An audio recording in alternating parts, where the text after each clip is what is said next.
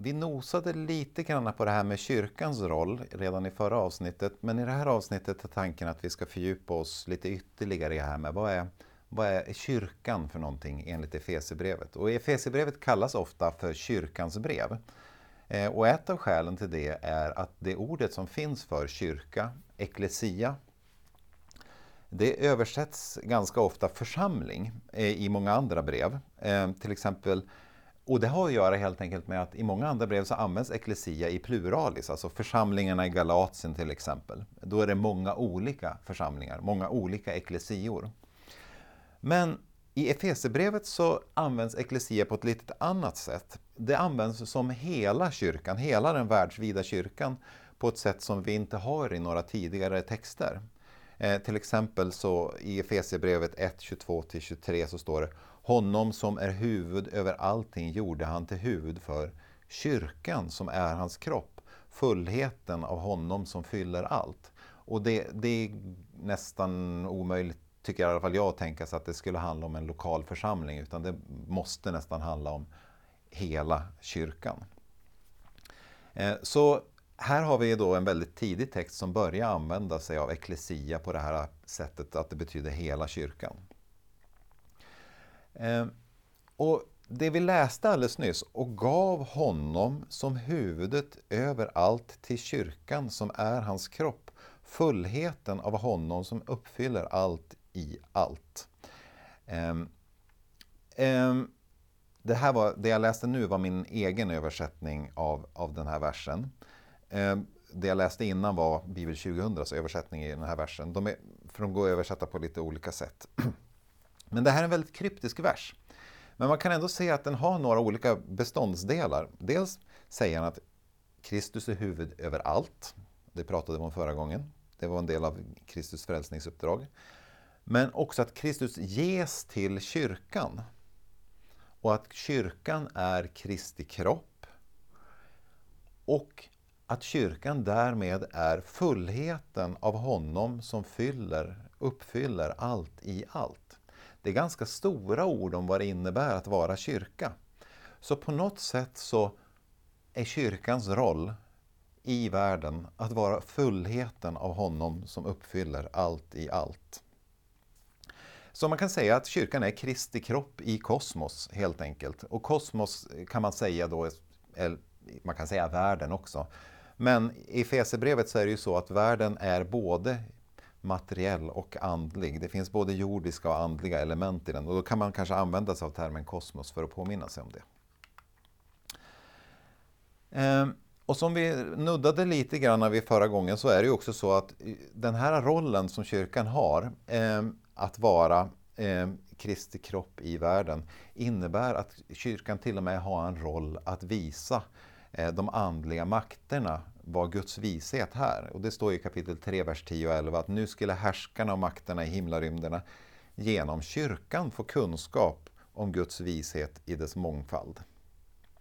Detta var den avsikt med världen som han förverkligade i med Jesus Kristus, vår Herre. Um, och den här tanken på att kyrkan är Kristi kropp, den utvecklas ytterligare i kapitel 4. Och vi har liknande texter i till exempel första Korinthierbrevet 12 och Romarbrevet 12. Men det finns en nyansskillnad mellan de texterna och Efesierbrevet 4. Därför att i första Korinthierbrevet 12 och Romarbrevet 12, där är Kristus hela kroppen och medlemmarna är dess medlemmar. Till exempel i första Korinthierbrevet eh, 12.27 så står det att ni utgör Kristi kropp och är var för sig delar av den. Men i Efesierbrevet så uttrycks det mer som att Kristus är kyrkans huvud. Eh, eh, kyrkan i, enligt Efesierbrevet 4 ska vara enade som Kristi kropp. Eh, det står det i kapitel 4, vers 3 och framåt.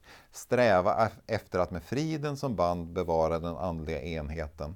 En enda kropp med en enda ande, liksom ni en gång kallades till ett och samma hopp. Och så räknas det upp en massa saker som ett i kyrkan. Men det är en stark betoning på enhet i egenskap av Kristi kropp. Men det finns också den här betoningen på att Kristus är kyrkans huvud och det har ni i vers 15 och framåt. Nej, låt oss i kärlek hålla fast vid sanningen och växa i alla avseenden så att vi förenas med honom som är huvudet, Kristus. Han låter hela kroppen fogas samman och hålls ihop genom att alla ledarna hjälper och stöder med just den kraft han ger åt varje särskild del. Då växer hela kroppen till och byggs upp i kärlek. Så här har vi lite mer en hierarkiskt organiserad bild av kroppen, där Kristus över, är överst och leder eh, detta växande, kroppen som helhet. Eh, och eh, det hör delvis ihop med det vi har pratat inom, att Kristus är ju som härskare för hela universum och härskare för kyrkan. Och då blir det också mer naturligt att uttrycka det, Kristus som den som är högst upp i kroppen, den som är ledare för hela kroppen.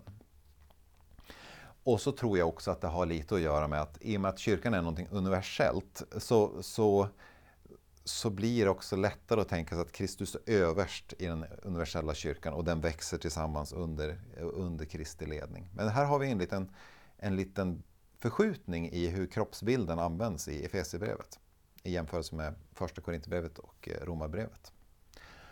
Och i kapitel 4 så får vi också veta att ledarna har en väldigt viktig del för detta växande. Eh, han säger då i kapitel 4, vers 8 var och en av, fått just, av oss har fått just den nåd som Kristus har velat ge honom. Så gjorde han några till apostlar, andra till profeter, till förkunnare eller till herdar och lärare. De ska göra de heliga mer fullkomliga och därmed utföra sin tjänst och bygga upp Kristi kropp. Så ledarna har en särskild roll i, i det här arbetet med att bygga upp Kristi kropp och, eh, och den här helheten. Så man får nästan det här intrycket att högst är Kristus och näst högst är ledarna och sen så kommer typ alla kristna. Det är inte riktigt eh, eh, eh helt klart uttalat att ledarna har eh, en position så mellan andra kristna och Kristus. Men de har i alla fall en särskild central roll i kroppen kring uppbyggandet av kroppen. Och det här tyder ju på att kyrkan kanske började få lite mer organiserade former och man ville betona mer uppskattning för de olika ledarfunktionernas roll för att kyrkan ska hålla ihop. Ehm, den text dock om kyrkan som kanske har skapat mest eh, diskussion, eh, det är eh, kapitel 5, där, där egentligen ärendet i kapitel 5 är att tala om relationen mellan man och kvinna i ett äktenskap. Men så helt plötsligt så börjar Paulus tala om om äktenskapet som en bild för kyrkan. Och vi ska komma tillbaka till de här hustavlorna under ett senare avsnitt. Så, så, men nu ska vi fokusera på hur äktenskapet blir en bild för vad kyrkan är. Och då står det så här då. Ni män, älska era hustrur så som Kristus har älskat kyrkan och utlämnat sig själv för den för att helga den genom reningsbadet i vattnet och genom dopordet Ty han ville själv låta kyrkan träda fram till sig i härlighet utan minsta fläck eller skrynkla. Helig och felfri skulle den vara. På samma sätt är också mannen skyldig att älska sin hustru som sin egen kropp. Den som älskar sin hustru älskar sig själv. Ty ingen har någonsin avskytt sin egen kropp, utan man ger, eh, utan man ger den näring och sköter om den så som Kristus gör med kyrkan. Vi är ju delar av eh, eh, delarna som bildar hans kropp.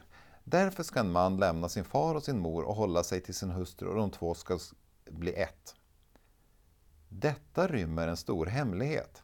Och här låter jag det syfta på Kristus och kyrkan.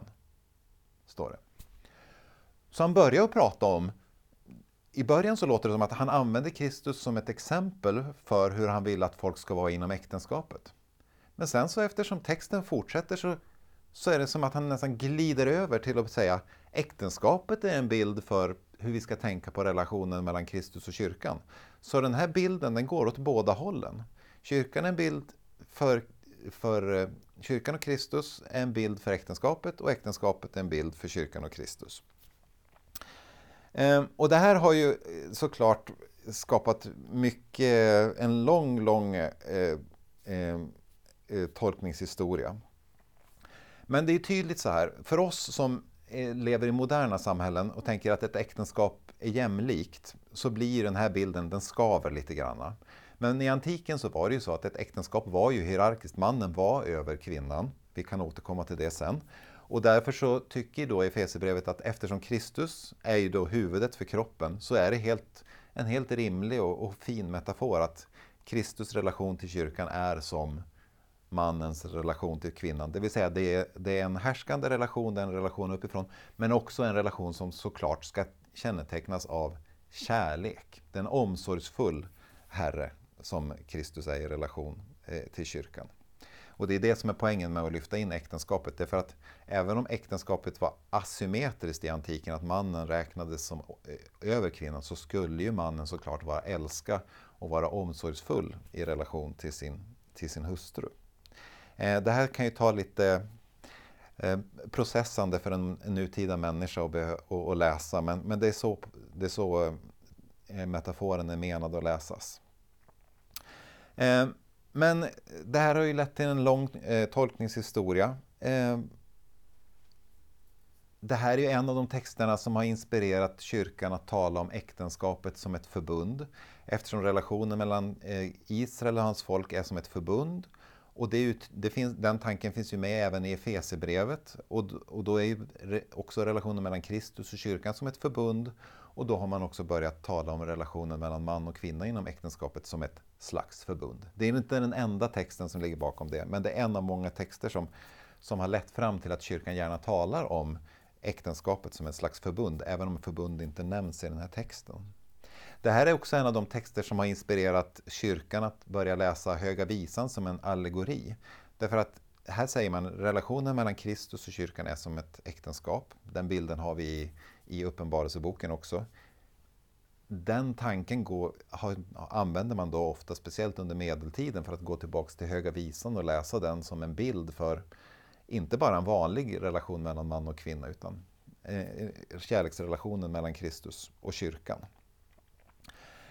Och den här texten har ju då också använts för att hävda att eh, äktenskapet är som ett sakrament, eftersom den är, det är lika heligt som relationen mellan Kristus och kyrkan.